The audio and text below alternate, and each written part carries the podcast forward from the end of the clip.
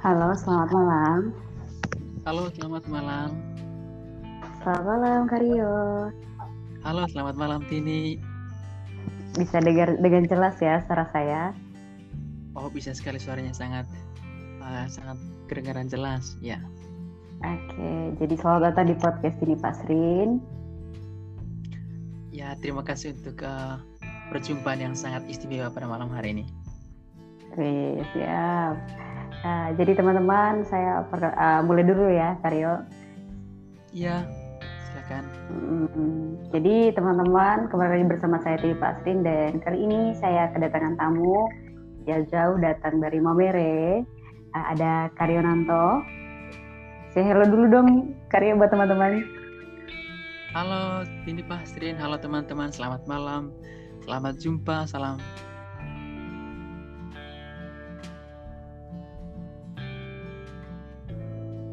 Halo. Halo. Ya, salam mm -hmm. jumpa teman-teman. Semoga uh, tetap sehat selalu ya. Amin. Oke, jadi uh, siapa sih Karyonanto ini? Uh, beliau adalah Ketua Senat STFK Ledalero. Uh, terima kasih sekali lagi buat Karyo yang sudah mau bergabung dan teman-teman malam ini kita agendanya adalah Q&A dengan Karyo jadi uh, Karyo selain ketua senat di Sekolah Tinggi Filsafat Katolik Lero juga sudah memiliki prestasi sedikit prestasi yang patut dibanggakan gitu ya. Uh, jadi mungkin sebelum kita masuk Q&A yang akan membuat kita mengenal siapa sih pria ini, kita bacakan dulu beberapa CV dari uh, Karyo. Boleh ya Karyo ya? Oh silakan silakan Tini ya. Hmm, jadi Karyo uh, sekarang berstudi filsafat di Sekolah Tinggi Filsafat Katolik Ledlero. Uh, aktif menulis di koran-koran lokal seperti Flores Post, Pos Kupang, Ekora NTT, dan menjadi kontributor majalah Varta Probamora. Varta Probamora ya. Jadi uh, selain itu juga ada di majalah Akademika STVK Ledlero, majalah Fox Minari Tinggi Ledlero, sampai jurnal dan koran nasional. Keren gak tuh? Dan uh, tidak hanya itu saja, Karyonanto juga mendirikan dan mengembangkan komunitas teater area sorry komunitas teater Areopagus di Novisiat Sang Sabda Kubu di Ruteng pada tahun 2015 lalu menjadi ketua kelompok menulis di koran dan diskusi filsafat Lero pada tahun 2018. Juga sekarang uh, seperti tadi di awal, sekarang sudah menjabat sebagai Ketua Senat Sekolah Tinggi Filsafat Katolik Lero. Dan selain itu juga hebatnya Karyo adalah uh, sekarang sebagai sekretaris lembaga forum diskusi cendikiawan ya Fordica Manggarai Mamere. Ini keren banget sih uh, kalau misalnya pendengar saya sudah kita bertatap muka langsung nih pasti uh, bertepuk tangan semua. Dan tidak hanya itu ada lagi nih yang lebih seru. Jadi uh, beberapa penghargaan yang sudah diterima Karyonanto ya antaranya menjuarai lomba penulisan artikel ilmiah tingkat provinsi NTT yang diselenggarakan oleh Kementerian BKKBN Indonesia pada tahun 2012 lalu menjuarai lomba debat tingkat provinsi NTT pada tahun 2012, uh, eh, menjuarai lomba karya tulis ilmiah tingkat perguruan tinggi di NTT yang diselenggarakan oleh Bank NTT. Dan hal ini mengantar Karyo dinobatkan sebagai Duta Bank NTT tahun 2019. Keren banget. So proud of you, Kak. Keren sih. Terima kasih. Jadi ternyata tidak hanya ganteng ya, tidak hanya tampan muka tapi prestasi juga. Ini uh, sebuah hal yang patut kita banggakan gitu. Uh, sekarang lagi sibuk apa kak selama masa apa lockdown ini? Uh, ya di hari-hari uh, di hari-hari ini biasanya di di rumah kami, khususnya saya memanfaatkan waktu untuk membaca, membaca-baca buku, menulis selama beberapa pekan terakhir saya menulis di beberapa media.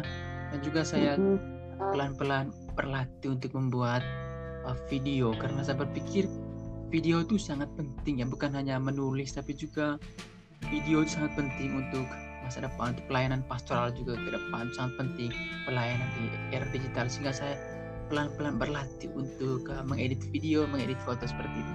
Dan juga uh, refleksi juga memaknai kehidupan karena selama ini mungkin terlalu hiruk pikuk dengan tugas kadang-kadang lupa untuk uh, kembali ke dalam diri. Mungkin dalam betul. masa-masa ini juga masa-masa pembaharuan diri untuk kembali ke, kembali ke dalam diri untuk merefleksikan begitu banyak hal. Ya Luar demikian ya. sama ya ya jadi tadi uh, sebagai calon imam gitu ya ada harus banyak inovasi gitu karena memang perkembangan teknologi itu tidak bisa kita hindari. Jadi mempersiapkan diri itu harus dilakukan ya. Dan uh, menarik sih kak kayak tadi kembali ke dalam diri sendiri. Itu penting banget. Saya kira seperti tadi mungkin selama ini kita hidup hidup di luar gitu ya. Saatnya untuk kembali menarik nafas uh, merefleksikan kembali apa yang sudah dilakukan dan mem mempersiapkan dengan matang gitu apa yang akan dilakukan ke depan. Ya. Nah, uh, ini kan Karyo sekarang uh, sudah jadi ketua senat ya. Terus di SMP dulu pernah jadi ketua osis dan uh, di SMA jadi wakil osis. Apa sih arti kepemimpinan bagi Karyo? Uh, terima kasih Tini. Sebenarnya saya memiliki suatu prinsip hidup yang uh, simple.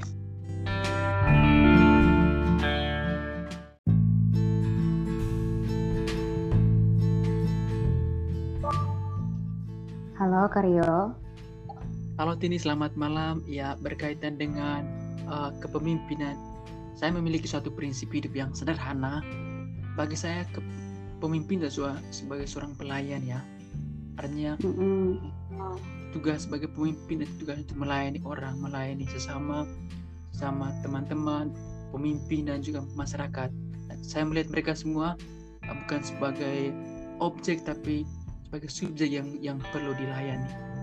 Karena bagi saya, dalam tugas-tugas yang dipercayakan kepada saya sejak saya uh, dari hal kecil misalnya dari ketua kelas, dari ketua seksi hingga dipercayakan menjadi ketua OSIS dan ketua senat sekarang saya melihat uh, tugas juga itu sebagai suatu bentuk pelayanan kepada kepada sesama dan saya terinspirasi dengan uh, Muda Teresa yang dia mengatakan bahwa lakukanlah hal kecil dengan cinta yang besar apa pun tugas yang dipercayakan kepada saya antara tugas kecil atau besar saya berusaha untuk mengerjakan semuanya itu dengan penuh rasa tanggung jawab. Dengan sepenuh hati dan uh, saya merasa diri sangat ber saya merasa diri sangat berharga ketika kehadiran saya memberi makna untuk orang lain. Itu satu kegembiraan dan kebahagiaan bagi saya untuk memberi diri untuk orang lain, berkorban sejauh mampu, memberi dari apa yang ada pada saya untuk orang lain. Dan itu bagi saya suatu tugas pelayanan kepada kepada sesama ya. Terima kasih Karyo, dalam banget sih ini perbincangannya. Jadi uh, tadi saya kira ini tidak berbeda jauh kita masih dalam situasi pasca kemarin uh, ya Yesus membasuh kaki para murid saya pikir itu juga dipraktekkan. Jadi bagaimana jadi pemimpin ya dan uh, saya pikir Karyo sudah melakukannya dengan sangat baik. Dan seperti yang Karyo bilang tadi bahwa perkara kecil ketika kita dipercayakan untuk uh, mengurus perkara kecil dengan sepenuh hati maka perkara besar akan dilimpahkan pada kita dan kita bisa melewatinya itu dengan baik. Ya, ah, luar biasa. kecil kalau kita setia dalam perkara kecil maka kita pun akan setia juga dalam perkara-perkara yang besar ya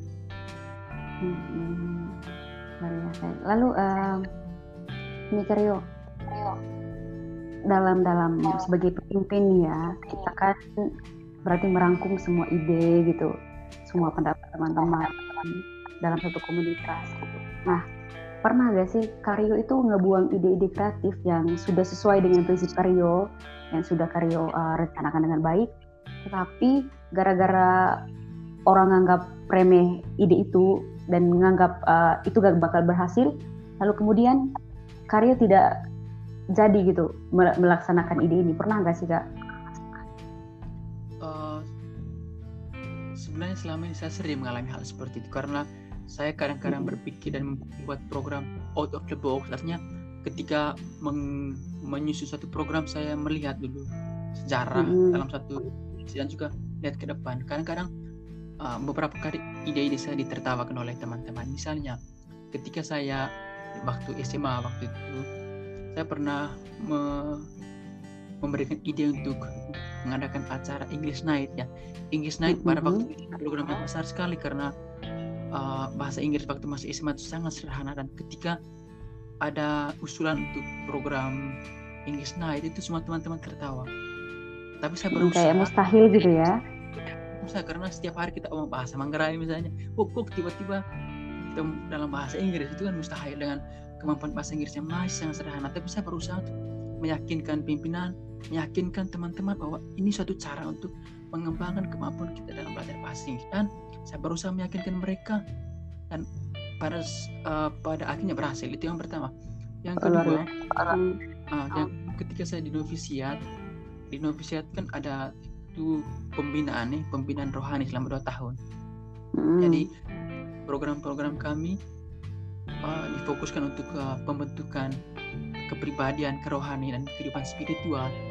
Dan pada tahun 2015 ada ide untuk membentuk suatu kelompok seni dan teater. Itu kan suatu yang cukup berlawanan sih dengan hal-hal rohani karena sepanjang sejarah novitiate waktu itu belum ada terbentuk suatu kelompok organisasi atau kelompok seni teater begitu dan banyak pimpinan uh, eh, pater juga tertawa dan menolak ide tersebut tapi saya berusaha meyakinkan mereka bahwa melalui seni melalui teater kita membentuk karakter kita membentuk jiwa spiritual kita melalui seni dan akhirnya ide-ide uh, ide itu disetujui oleh komunitas dan sampai sekarang berkembang dengan uh, baik baik.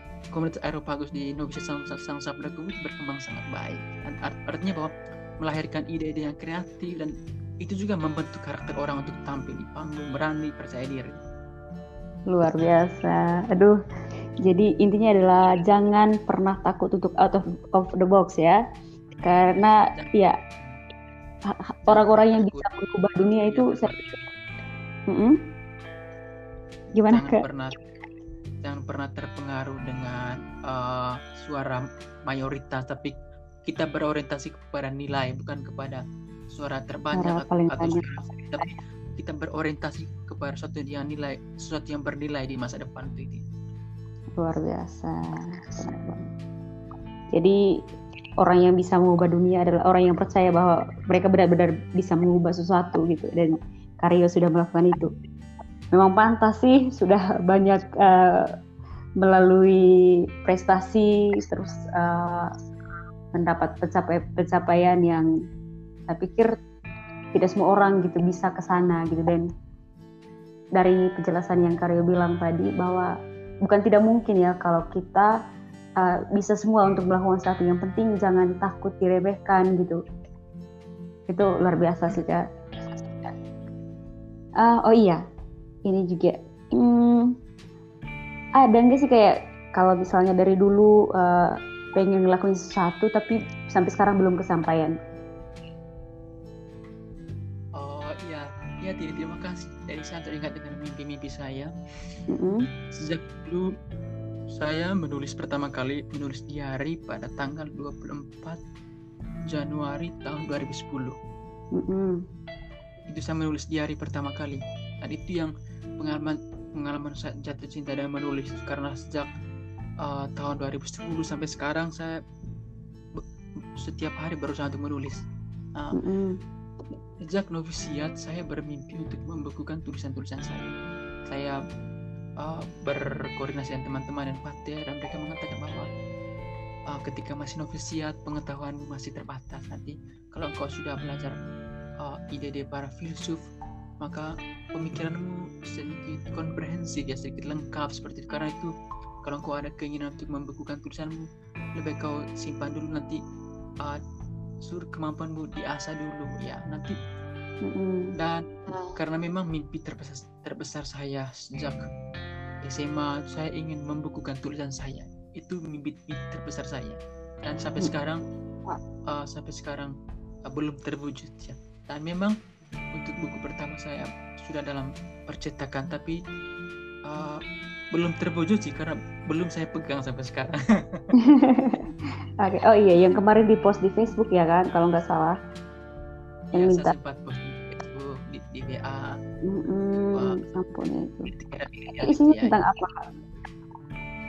Isinya itu uh, kumpulan artikel-artikel yang saya pernah tulis di media lokal dan nasional. Saya mm-hmm. kumpulkan itu karena memiliki keterkaitan, memiliki hubungan antara satu tema dan tema yang lain. Kebetulan saya juga sangat tertarik dengan uh, politik nah, selama ini. Karena saya juga bukan mahasiswa ilmu politik karena itu saya ambil dari perspektif milenial. Artinya bagaimana kira-kira kaum milenial melihat politik? Karena itu saya menulis buku saya dengan judul politik era milenial dengan ada sentuhan-sentuhan uh, filosofis hmm. sedikit. Iya iya. Aduh, luar biasa. Kita tunggu bukunya kak. Pasti bakalan pecah sih karena emang uh, kemampuan nulis karyo sudah berapa kali saya lihat di postingan Facebook. Itu sudah sering banget di share sama netizen ya. Dan itu memang layak didapatkan gitu. Uh, kaitan antara paragraf satu dengan paragraf lainnya itu sangat apa ya membuat pembaca dipuaskan gitu dengan tulisan-tulisan tersebut. Iya, kasih. Tadinya. Mm -hmm saya juga masih dalam proses masih dalam proses menjadi artinya. Uh, setiap, setiap hari saya merasa diri kurang ya seperti Socrates. Uh, ketika banyak tahu tiba saya juga merasa uh, belum tahu apa-apa sehingga ada kerinduan untuk selalu belajar. Rendahan hati ini yang uh, menjadi poin plus saya pikir itu ya. Ketika ya bagaimana bisa pintar kalau bodoh sejangkau punya jadi memang kayak niat betul sih berpengaruh berpengaruh banget kayak kita harus uh, punya niat untuk terus belajar gitu. Dan itu juga mungkin berpengaruh sih sama sama saya juga prinsip saya kayak kita harus mencari sesuatu yang baru. Dan misalnya ada tokoh saya nih saya juga sebagai lah yang menulis dan uh, saya melihat tokoh-tokoh lain misalnya tulisan-tulisan mereka gitu dibandingkan bukan untuk merendahkan diri tapi kayak oh iya gitu. Kita bisa menjadi versi lebih baik dari diri kita gitu. Jadi justru ketika kita belajar kita menempatkan diri untuk benar-benar apa ya memberi kita memberi diri sendiri kepercayaan gitu. Bahwa kita bisa membuat hal yang lebih. Ya benar. Tepat sekali itu ya saya juga sependapat dengan itu ya. Nah oh iya uh, sekarang agak melankolis ya uh, pertanyaannya seorang oke. Okay. oke. Ya, ya. seorang uh, Karyonanto pernah gak sih menangis gitu? Kapan terakhir menangis? Gitu deh. Dan karena apa? Ah, ini pertanyaan yang sangat sangat mm -hmm. menyentuh. Biasanya kan biasanya mm -hmm. kan laki itu diidentikan dengan ke keperkasaan ya. Betul perkasaan gagah perkasa anti anti air mata ya. Betul. Air mata. Yeah. dan kelihatan begitu tegar ya begitu tegar. Mm -hmm. walaupun ada luka padahal di dalam aku. Ya tapi kan berusaha untuk tampil tampil gagah perkasa. Itu, itu mm -hmm. mungkin itu mungkin laki-laki pada umumnya. Dan saya saya adalah pengecualian dari standar itu ya. Oke, jadi kapan terakhir sih? Kalau mau jujur ya, saya uh, saya jujur dan diri sendiri, saya termasuk salah satu laki-laki yang uh, mm-hmm. bukan cengeng, uh, bukan cengeng sih, cuman uh, mudah untuk menangis ya. Mm-hmm. Kalau tadi ti, tadi Tini tanya kapan saya menangis yang terakhir, saya jadi teringat saya, saya menangis terakhir pada hari Jumat Agung ya Mm-hmm. pagi harinya bersama teman-teman kami menonton film Passion of Christ di Kapela. Oke. Okay. Passion of Christ di Kapela dan saya tiba-tiba uh, di adeg adegan Yesus bertemu dengan ibunya uh, ketika Yesus di dianiaya dipukul algojo saya tiba-tiba menangis artinya bahwa itu film itu memang sering dis, disaksikan. Putar putar. diputar setiap tahun.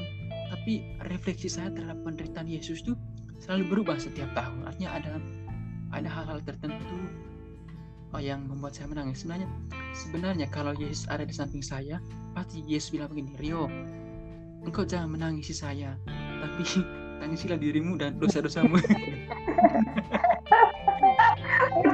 Aduh, ini saya dalam proses mau nangis tapi eh, ketawa tapi mau nangis juga.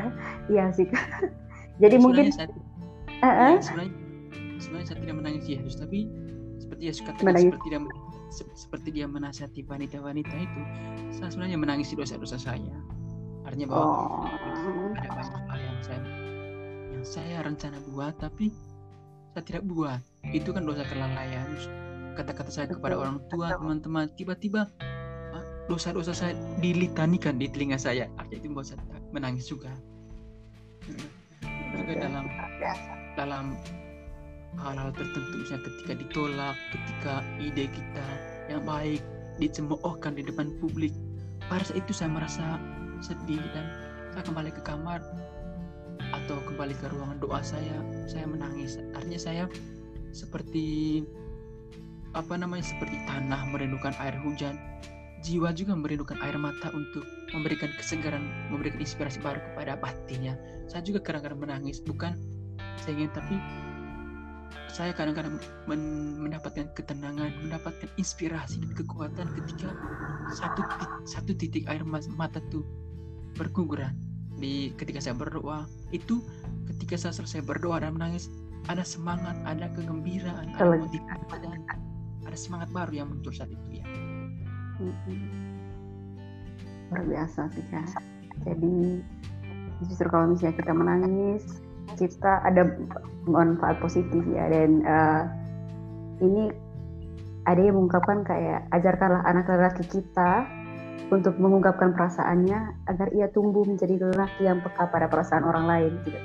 Pada perasaannya sendiri aja ini eh, peka apalagi sama anak orang ya.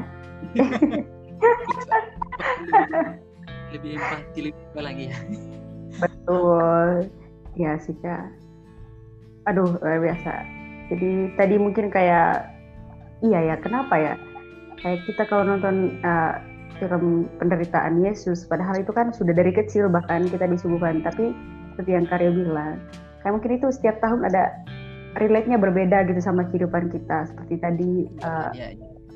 Mm-mm. kelalaian untuk uh, akan tanggung jawab. Terus kita merasa belum berbuat apa-apa. Sementara gimana ya Tuhan selalu ada untuk kita. Eh, eh, skip deh kayaknya saya semua mau menangis aduh. Sabar sabar. Bertahan tahan tahan ya. Oke. Eh, lalu pertanyaan berikut. Apakah karya sayang sama diri sendiri kalau saya sih sayang ya Iya.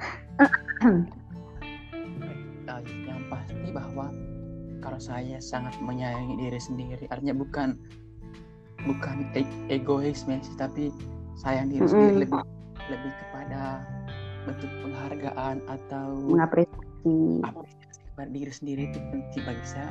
Dan saya melihat bahwa pengembangan bakat, pengembangan kreativitas, penyaluran Hmm. hal energi positif dan dalam diri itu bagian dari cara untuk mencintai dan merawat diri sendiri karena diri sendiri kita adalah ciptaan Tuhan yang paling berharga dan cara kita berterima kasih kepada Tuhan itu dengan cara merawat dan mengembangkan bakat, talenta dan uh, kemampuan-kemampuan yang ada pada kita ya. Itu cara untuk mencintai diri sendiri yang lebih yang paling yang paling berkualitas menurut saya.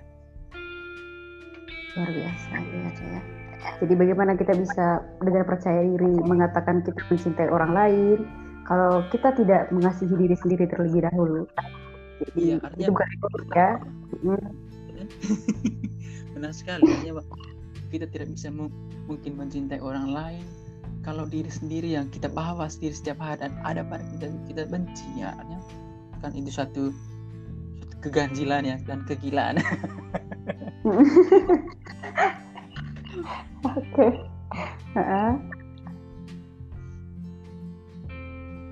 Hmm, Iya, iya. Berarti mencintai diri itu penting banget ya untuk kita terus berkembang gitu. Ya, Karena mm, mencintai diri itu penting mencintai diri itu penting artinya dengan mencintai diri kita tahu apa yang menjadi kelebihan diri kita apa yang menjadi kekurangan kelebihan itu kita tingkatkan kita belajar kelemahan diri kita ubah secara perlahan-lahan itu cara mencintai diri itu ya. Nah, kalau Tini pasti Tini juga mencintai diri sendiri kan? Belum mencintai saya. Aduh ya juga. Kayak kalau menurut uh, setelah melewati beberapa hal tentu gitu ya proses mencintai diri sendiri gitu itu juga adalah sebuah proses panjang gitu. Karena kita uh, mengalami pergulatan setiap hari kayak uh, apalagi bukan saya bilang perempuan saja sih tapi semua makhluk yang perasa saya pikir ada kalanya kita sangat memikirkan kata-kata orang gitu kan. Jadi kayak pendapat orang itu penting banget buat kita. Tapi akhirnya ada pada satu sisi di mana kita harus bijak sama diri sendiri gitu kayak saya misalnya saya uh, puji Tuhan gitu ya sekarang itu sudah sampai pada fase di mana saya bisa mempertimbangkan gitu masukan kritikan dan lain-lain gitu ada yang perlu kita simpan dalam hati dijadikan pelajaran tapi ada juga yang perlu kita buang gitu karena ada kalanya pembicaraan orang ketika kita bercerita misalnya gitu. Orang hanya ingin sekedar tahu lalu memberi masukan tanpa benar-benar dari hati dan tidak memikirkan apa yang disampaikan. Padahal kita benar-benar ingin sebuah masukan dan itu saya pikir tidak sehat gitu untuk uh, diri sendiri. Jadi benar-benar kita harus memfilter apa yang masuk da dalam diri kita gitu. Ya ya, iya saya pikir itu satu bernilai karena uh, betapa malangnya hidup kita kalau misalnya kita punya hidup, kita punya komitmen dipengaruhi oleh orang lain. Padahal kan kita sendiri yang harusnya menjalani. Betul. Nah, uh, jadi menyikapi hal-hal tersebut ya yang datang dari dari uh, luar diri Karyo gitu. Bagaimana sih Karyo menyikapi kegagalan dan perasaan benci gitu, perasaan jengkel terhadap orang atau sesuatu gitu? Uh, terima kasih Tini pertama berkaitan dengan kegagalan mm-hmm. Sejujurnya saya didewasakan oleh kegagalan mm-hmm. sudah begitu banyak kegagalan yang saya alami selama ini cuman itu kan tidak diketahui oleh publik ya artinya mm-hmm. yang diketahui oleh publik adalah keberhasilan uh, kesuksesan tapi kan dibalik semua dibalik itu, itu. dibalik mm-hmm. semua ada begitu banyak kegagalan ada begitu banyak air mata, penderitaan siang dan malam, perjuangan, jatuh bangun, uh, dan itu naik turun, turun, ya. dan itu semua bagian dari proses dan saya sangat berharap berhadapan dengan pengalaman-pengalaman kegagalan saya ber, saya sangat bersyukur karena dengan itu saya berusaha untuk memacu kreativitas, memacu potensi dan memacu uh, daya daya juang supaya terus menjadi lebih baik lebih baik saya gagal karena sudah mencoba daripada saya diam dan tidak berbuat apa-apa artinya betul sekali. adanya kegagalan. Hanya kita selangkah lebih maju daripada kita diam di tempat ya. Biasa. Ya berkaitan itu yang pertama kegagalan. Yang kedua tadi berkaitan dengan pengalaman uh, menyikapi kekecewaan. Itu juga saya bersyukur. Uh, artinya saya bersyukur dengan pengalaman-pengalaman kekecewaan itu. Karena itu uh, kembali mendewasakan saya dengan perkataan orang dan pengalaman dikecewakan itu saya tiba-tiba belajar untuk selalu memurnikan motivasi, menjernihkan pikiran untuk menjadi lebih baik dari hari ke hari. Dan memang saya prinsipnya saya selalu melihat hal positif dari pengalaman negatif yang saya alami. Mm-hmm. Artinya saya saya bersyukur dengan pengalaman negatif dan saya berusaha untuk melihat uh, sisi uh, sisi terang dari pengalaman-pengalaman uh, suram seperti itu ya. Terima kasih Rio. Iya, refleksi, ya. itu refleksi saya untuk berkaitan dengan pengalaman kegagalan. Saya sangat, saya sangat bersyukur dengan pengalaman kegagalan itu ya jadi luka mendewasakan ya luka mendewasakan dan membentuk diri menjadi lebih baik ya bagi tanah liat yang dibentuk. Hancur dulu baru Tuhan bentuk dengan baik. Ay, bijak bijaksana. Pasti ini uh, kuat baca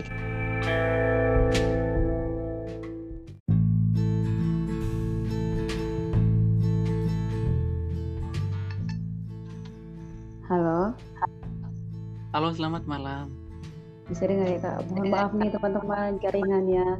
Jadi emang kita putus nyambung, putus nyambung. Tapi bukan hubungan loh ya, jaringan. Jadi Bukan tadi ya, seperti tanah liat ya. Gimana gimana? kan? hubungan harus tetap berlanjut biar jaringan yang terputus ya Waduh, siap. Jadi eh, tadi seperti tanah liat ya, hancur dulu baru bisa dibentuk dengan sempurna sama yang di atas. uh, minta maaf Sul. sepertinya uh, Tini ini uh, rajin baca kitab suci ya sepertinya calon suster, calon suster. Aduh. masa depannya sangat menjanjikan ya kalau kalau kalau punya uh, biarawan yang cerdas seperti Tini ini Aduh, amin lah, amin doakan gitu ya. Saya pikir menjadi apa pun kita kita terpanggil untuk uh, harus menjadi manfaat buat orang lain. Gitu. Tapi tadi uh, kalaupun nanti Karyo keluar dari biara, bukan doakan lo ya. ya ampun. gitu. Di mana pun Karyo berada, saya berharap gitu ya tetap uh, menjadi bermanfaat buat orang lain. Dan itu sudah pasti tidak bisa tidak bisa diragukan lagi. ya semoga semoga kehadiran kita memberi makna bagi orang yang kita jumpai baik di media offline maupun di media online Amin ya di masa pandemi COVID-19 ini maupun setelah semua ini berlalu. semua ini berlalu Aduh. ya ya Mm-mm. Jadi eh, seberapa by the way saya sudah tanyakan gak sih seberapa besar pengaruh doa dalam kehidupan Karyo? Udah ya tadi ya? oh benar ini ini belum ya doa ini Mm-mm. pertanyaan sebab ini pertanyaan yang sangat penting sekali ya Mm-mm. Uh, bagi saya doa itu sangat penting. Sederhananya begini, kita pisahkan kata doa, ya. do dan a. Do kan kalau dalam not itu, do kan satu, do satu, ya kan? Mm-mm. Terus dalam bentuk dalam abjad juga a juga a huruf a itu kan pertama satu. Jadi do dan a itu sama-sama satu. Itu mengatakan bahwa doa itu harus menjadi yang pertama dan saya melihat bahwa doa itu sesuatu yang penting dan harus menjadi utama dalam hidup kita. Seperti uh, Tuhan bilang, dahulukan kerajaan Allah, maka yang lain akan ditambahkan bagimu. Itu suatu salah satu nas kitab suci yang sangat inspiratif bagi saya dan saya mem- memiliki banyak pengalaman mujizat baik dalam karya, dalam keluarga, dalam tugas itu karena karena Tuhan itu saya akui bahwa bukan karena bukan karena kuat dan hebatku tapi karena cinta ya. Itu itu siapa ya? Iya, saya berpikir saya saya mengimani kata itu bahwa semua yang ada Pak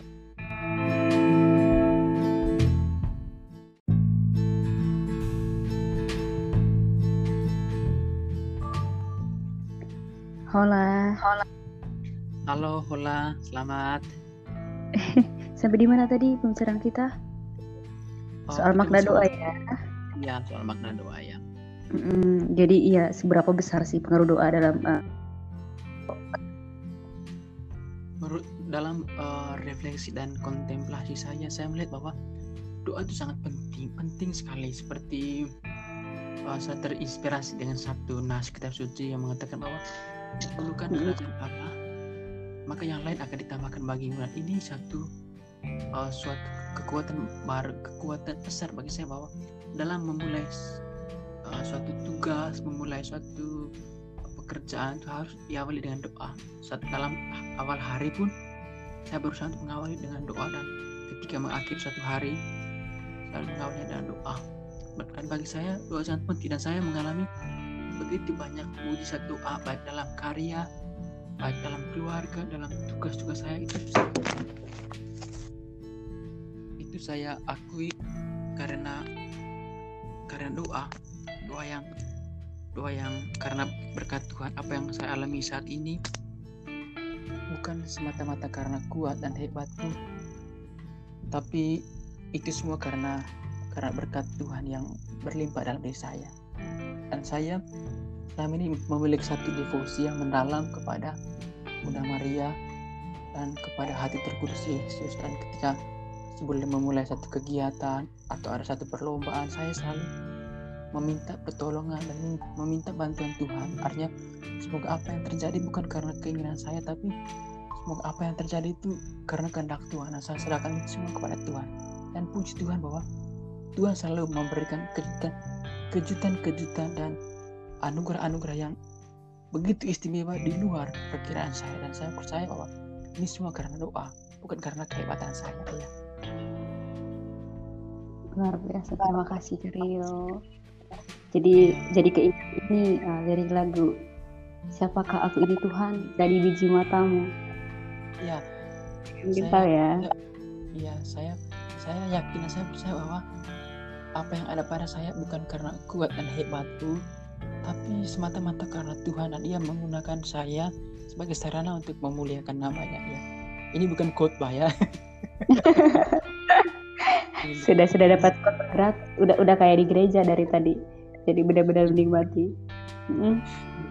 Ini bukan khotbah online, bisa pas kata ini satu kesaksian, tapi ini suatu kesaksian iman bahwa doa itu doa itu sangat penting bagi saya mungkin banyak orang yang memiliki kesaksian yang sama dan saya memiliki begitu banyak mujizat ya. Saya mengatakan mujizat karena itu berada di luar pertimbangan rasionalitas manusia dan saya dan saya melihat itu semua wah Tuhan luar biasa sekali. Siapakah aku ini Tuhan? Karena berkatmu berlimpah melebihi apa yang saya pernah minta kepada Tuhan. Itu saya yakin bahwa semua itu karena Tuhan bukan karena saya karena itu setiap hari saya selalu menyerahkan seluruh hidup karya kepada Tuhan dan biarlah kehendak Tuhan yang yang terjadi dalam hidup saya. Hmm. Luar biasa dari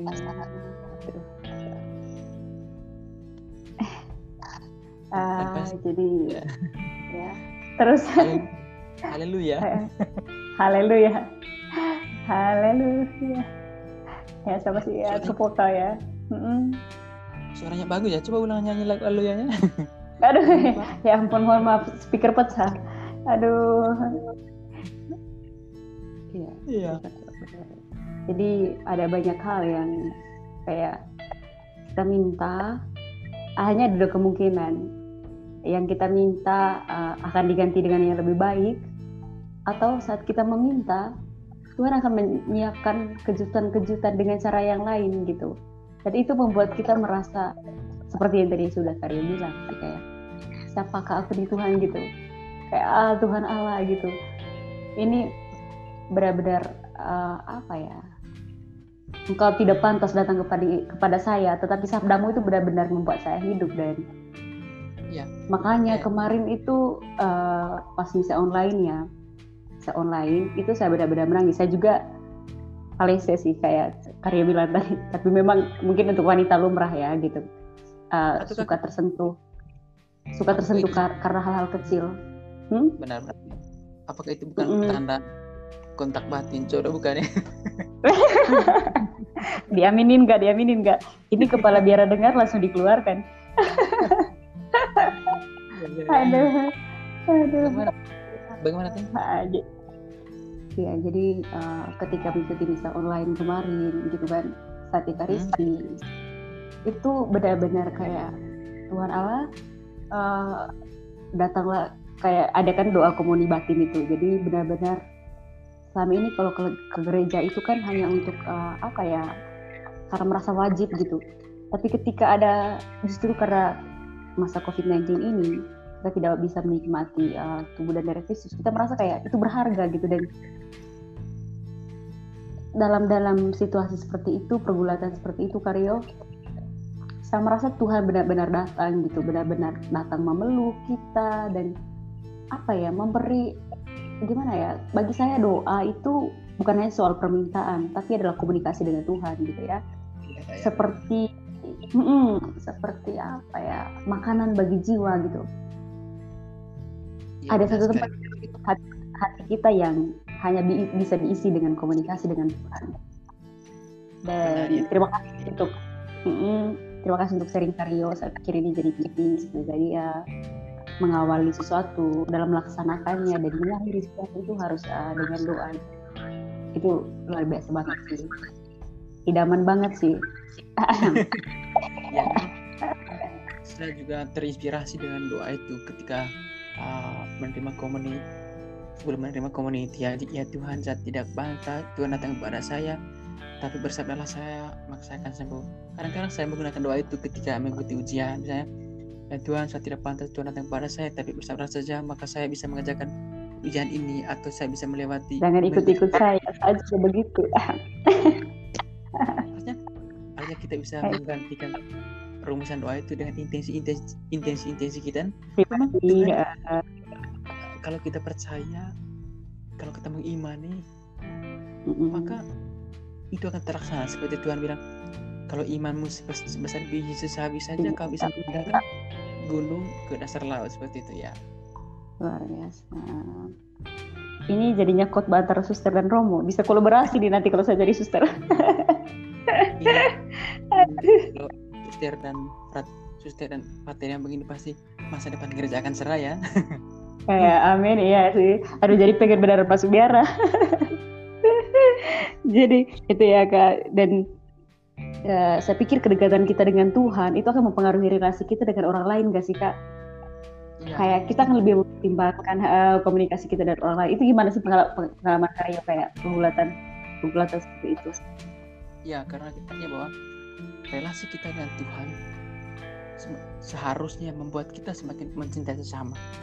Karena Tuhan bilang, bagaimana mungkin ada orang meme yang mengatakan, bagaimana mungkin engkau mencintai Tuhan yang tidak engkau lihat, sementara orang yang kau lihat sini kau tidak cintai. Artinya bahwa relasi kita dengan relasi kita dengan Tuhan itu harusnya dibuktikan dan menyatakan dan kecintaan kita kepada sesama karena dalam satu teks kita Yesus mengatakan bahwa ketika aku orang asing, ketika aku sakit, kamu datang mengunjungi aku ketika aku dalam penjara dan apa yang kau lakukan kepada satu seorang yang paling hina ini itu kau lakukan untuk aku. Sekarang Tuhan itu hadir dalam diri sesama kita dan bagaimana kita membuktikan cinta kita kepada Tuhan itu bukan kepada Tuhan yang tidak kita lihat tapi kepada sesama sebagai bentuk ciptaan Tuhan itu. Itu itu refleks saya sebenarnya. benar sekali terima kasih Karyo jadi melihat Tuhan dalam diri orang lain ya. Ya berusaha. Ah, tidak semua Tuhan juga sih. Misalnya orang yang suka membuat kita sakit hati apakah Tuhan juga- begitu? Ini mungkin saya dari sih iya ya ini nanti bisa terbelakang kayak kalau saya percaya kayak nggak ada yang benar-benar jahat dan nggak ada yang benar-benar baik di dunia ini gitu. Kadang kayak misalnya orang tuh bisa berbuat jahat karena ada alasan. Misalnya menyakiti kita nih. Karena dia mungkin iri gitu. Jadi kita bisa melihat kayak iya tergantung tanggapan kita ya Karyo jadi tapi mungkin ada yang memang kayak bisa kita tanggapi dengan kasih. Tapi kayak kita juga bisa membiarkan dia untuk berpikir sendiri dulu. Lu sebenarnya maunya apa? Gitu. Dan bisa pikir ini kita bisa bawa dia dalam doa sih. Ada beberapa hal yang memang kita tidak bisa selesaikan antara komunikasi. Karena bahkan dalam persahabatan pun relasi kita dengan orang lain ada saat di mana kita kok kayak komunikasi aja nggak cukup. Dan saya pikir kembali lagi ke poin pertama tadi yang kita bilang adalah doa gitu. Kita mendoakan orang ini mendoakan diri kita sendiri lalu kita bertemu di tengah gitu untuk sama-sama mencari solusi. Iya. Ini kalau ini iya. Engkau seorang Katolik sejati tak ada kepala dalam diri. Ini sesu melayang di langit ketujuh. Setelah langit ketujuh ada ketidak langit ke delapan ini. Aduh ya ampun. Terima kasih banyak. Karya pokoknya sharingnya saya pikir ini apa ya perlu dimiliki setiap orang sih. Nah, maksudnya mungkin dengan cara yang berbeda tapi eh, semoga kita setiap hari semakin merefleksikan diri kita. Dan pertanyaan per- terakhir ya kak ya. Ini- uh, apa Tin, Mm-mm. saya ingin tambahkan sedikit ya bisa nggak? Boleh banget. Uh, kalau menurut saya sih berkait di zaman kita sekarang ini ya uh, kecerdasan intelektual saja tidak cukup untuk hidup ya uh, ya kecerdasan intelektual sehingga tidak cukup sebab sekarang kan banyak orang pintar. Nah, karena itu kita harus uh, diri kita harus dibarengi dengan kecerdasan sosial. Kecerdasan emosional dan bagaimana kita berinteraksi berkomunikasi dengan orang lain kecerdasan apa tadi? Kecerdasan emosional. uh, emosional bagaimana kita mengolah emosi dan juga seperti yang kita bahas dari tadi itu masuk dalam kecerdasan spiritual ya. Spiritual. Nah, bagaimana kita mendekatkan diri kepada Tuhan itu satu bagian dari kecerdasan spiritualnya kecerdasan spiritual intelektual sosial emosional. Ketika itu dipadukan kita menjadi pribadi-pribadi yang berintegritas ya. Menjadi pribadi entah kita menjadi apa tapi kita menjadi pribadi-pribadi yang integritas dan menjadi idaman sih ya tapi kan kita berguna lah karena kita uh, uh, lengkap ya bukan hanya cerdas otak tapi karakter iman juga sosial kita ter itu itu yang dibutuhkan oleh gereja dan negara sekarang ini ya siap terima kasih banyak hmm. jadi ya kecerdasan kecerdasan semua kecerdasan harus diimbangi gitu ya ini harus harus imbang ya. hmm. ya seperti kaki kiri dan kanan ya.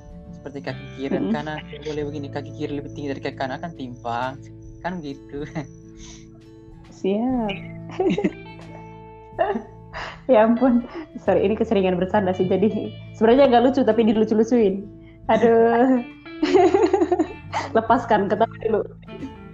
Udah. Lebih ini ketawanya masih jaib kalau berulang aduh mohon maaf okay. uh, ini kita menuju pertanyaan terakhir ya Karyo ini yang paling penting sih menurut saya uh, apa sih kayak bagaimana peran keluarga dalam kehidupan Karyo? Oh, terima kasih tinggi jadi keluarga itu sebagai sekolah pertama itu sangat penting jadi seperti kita membangun rumah keluarga itu adalah batu itu dasar kalau misalnya rumah dibangun di atas dasar batu itu rumah itu akan kuat. Jadi ketika rumah dibangun di atas dasar pasir pasti akan mudah terombang ambing. Jadi bangunan kepribadian kita bangunan kepribadian kita itu tergantung dari kasih sayang perhatian pola pendidikan dan pembinaan yang kita alami dalam keluarga. Dan itu pola pembinaan dasar sejak kita dalam kandungan sejak kita awal usia satu dua tahun sampai kita mengerti dengan diri sendiri itu sangat berpengaruh dengan uh, bagaimana relasi kita dan orang lain sejauh ini dalam pengalaman saya saya sangat bersyukur bisa dilahirkan dalam keluarga uh, papa dan mama. Eh, kebetulan saya berbicara ini ini hari tadi uh, mama saya merayakan hari ulang tahun, jadi saya berbicara berterima kasih kepada mama dan bapak yang sudah mendidik kami dengan nilai-nilai Kristiani dan sangat demokratis ya. Selamat ulang tahun pertama. Ya terima kasih. Mama terus mantu, mama mantu. Bercanda ya. Terus kakak frater. Oh, Aduh pertama mengajarkan kami tentang nilai-nilai Kristiani doa dan juga pola pendidikan yang demokratis. Jujur, jujur kami dulu memang uh, dipukul tapi lebih banyak uh, pendidikan demokratis. Maksudnya dalam memulai sesuatu bapak selalu bertemu dengan kami. Bisa kalau misalnya kamu mau makan apa atau hari ini kita mau kerja apa apakah kerja di kebun kasih makan babi atau mencari kayu? Mm. artinya selalu dibicarakan begitu dalam keluarga pada saat makan pagi atau pada saat makan malam untuk kegiatan besoknya. Dan itu yang ter- membentuk kami ketika kami uh, ketika kami dewasa. Artinya pola pendidikan demokratis bagaimana menghargai pendapat menghargai ide orang lain itu sudah lebih dahulu ditanamkan dalam keluarga kami. Artinya saling menghargai orang tua saling menghargai sesama bukan karena bukan karena dia dewasa bukan karena dia anak kecil tapi memang dia adalah seorang manusia yang manusia. ya, sebagai ya. seorang pribadi. Ya sebagai seorang pribadi. Itu kita harus mendengarkan dia menghargai dia. Apa pun idenya harus mendengarkan dulu. Setelah dia berbicara baru baru kita mengungkapkan pendapat kita. Dan pertama itu adalah nilai kemanusiaan itu harus dijunjung tinggi seperti itu. Dan itu yang membentuk kepribadian saya sekarang. Saya sangat uh, demokratis dan menghargai pendapat orang lain dan sangat mencintai orang lain karena orang tua dulu sudah lebih dahulu mencintai kami dan cinta yang sangat besar sehingga kami juga membagikan cinta itu kepada orang lain karena kami dibesarkan dalam tradisi cinta yang luar biasa. Saya bersyukur uh, saya dilahirkan dalam keluarga yang penuh cinta dan merangkul, merawat dan mendidik kami dengan nilai-nilai Kristiani dan nilai-nilai uh, humanis yang yang sangat penting bagi saya. Ya demikian. Haleluya. Aduh, luar biasa sih kak. Jadi uh, ini saya sedang membuka Facebook Karyonanto. Ada ucapan untuk Mama tercinta. Kita saya baca ya, Karyo ya. ya. Selamat ulang tahun Mama Sofia, Ibu kebijaksanaan. Tak ada puisi yang paling bernilai, tak ada kata-kata bermakna, selain doa-doa sederhana dari buah hatimu yang telah mampu berjalan sendiri bukan karena kami kuat dan dewasa, tetapi karena cinta dan doa-doamu, nama kami selalu disebut. Tuhan memberkati. Aduh, ini bikin terharu sih. Aduh, ya pendidikan pertama dari dalam keluarga dan uh, sekali lagi selamat ulang tahun buat Mama Sofia. Salam hangat ke rumah. Uh, titip terima kasih sudah melahirkan anak yang hebat ini. Ya, setiap anak berharga ya dan uh, ya dengar mendengarkan sharing dari Karyo saya ingin mengajukan pertanyaan lagi oh, iya. jadi punya niatan nggak untuk membangun keluarga seperti yang sudah dibangun bapak mama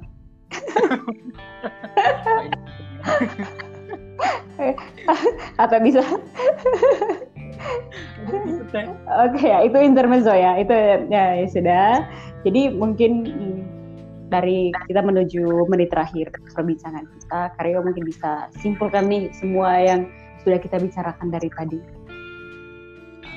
Uh, terima kasih Tini, uh, terima kasih yang ada beberapa poin-poin sederhana yang pertama itu dahulukan kerajaan Allah, maka yang lain akan ditambahkan bagimu. Artinya apa pun yang kita cita-citakan, apa pun yang kita inginkan, apa pun yang kita harapkan, marilah kita mengundang Tuhan pertama-tama hadir dalam usaha kita. Dan kita yakin bahwa Tuhan sendiri akan menggerakkan.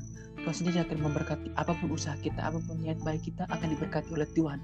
Jika Tuhan datang jika Tuhan ada seperti Maria misalnya uh, ketika dalam perkawinan di Kana ketika orang kehabisan anggur Yesus bisa mengubah air menjadi anggur karena mereka mengundang Yesus dan mengundang Maria hadir dalam pesta itu. Begitupun kita kalau kita mengundang Tuhan dan mengundang Maria hadir dalam hidup kita, maka Tuhan akan mengubah air menjadi anggur yang bermakna untuk hidup kita. Karena itu yang pertama itu kita harus mengundang melibatkan Tuhan. Yang pertama, yang kedua, selalu berbuat baik kepada sesama. Dan berbuat baik kepada sesama dan balaslah setiap kejahatan yang dilakukan oleh sesama itu dengan cinta yang tulus. Dan juga yang ketiga yang ketiga itu kita harus punya prinsip. Kita jangan terpengaruh oleh ide jangan terpengaruh oleh hasutan atau provokasi online. Kita harus memperjuangkan nilai yang bermakna. Walaupun kita dibenci oleh dunia ditolak tapi kalau kita benar karena kebenaran itu datang selalu paling akhir. Karena itu kita harus punya prinsip dalam hidup. Jangan dalam jangan mudah terpengaruh dalam kerumunan massa ya. Tapi kita harus memiliki suatu nilai artinya memiliki satu branding memiliki satu ciri khas yang menjadi karakter kita. Itu harus punya setiap pribadi.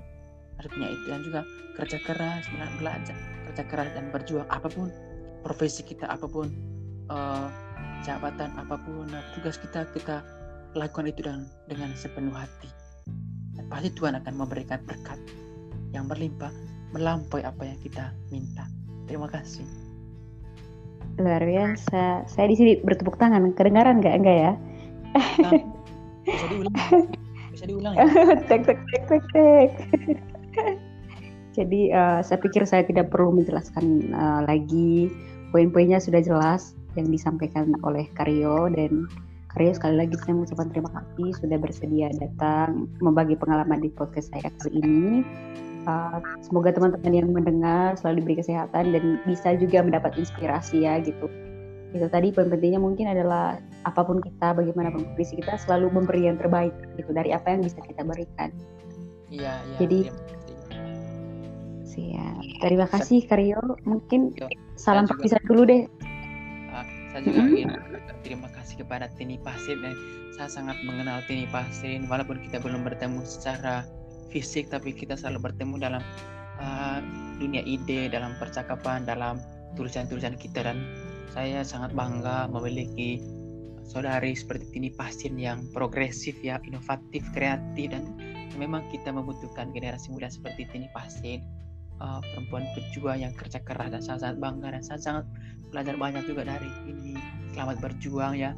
Tetap sukses selalu raihlah mimpimu uh, setinggi setinggi mungkin ya. Kita saling mendukung dalam dalam karya ya. Terima kasih juga telah telah mengundang saya untuk berbagi pengalaman. Saya sadar bahwa saya juga bukan orang hebat.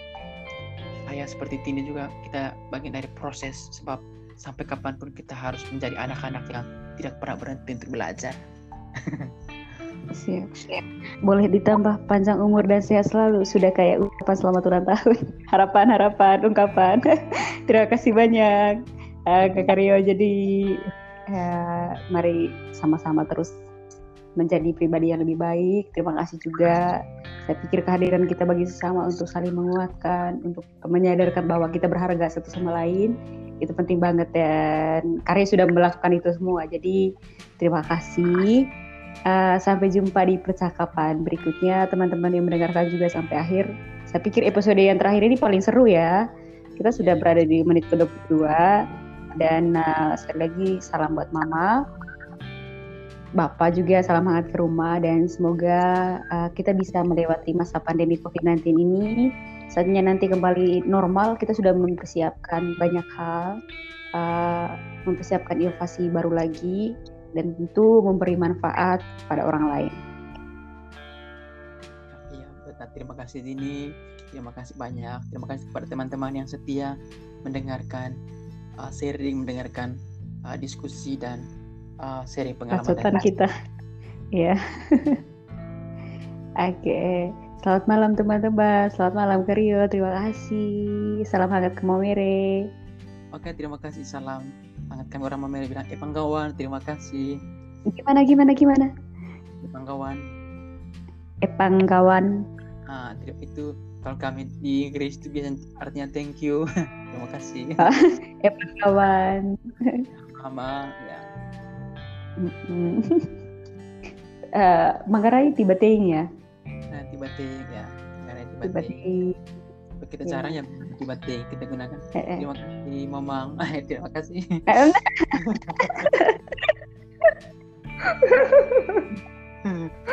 terima kasih untuk percakapan uh, yang luar biasa ini Karyo Oke, selamat malam, selamat malam. Yo. Ya.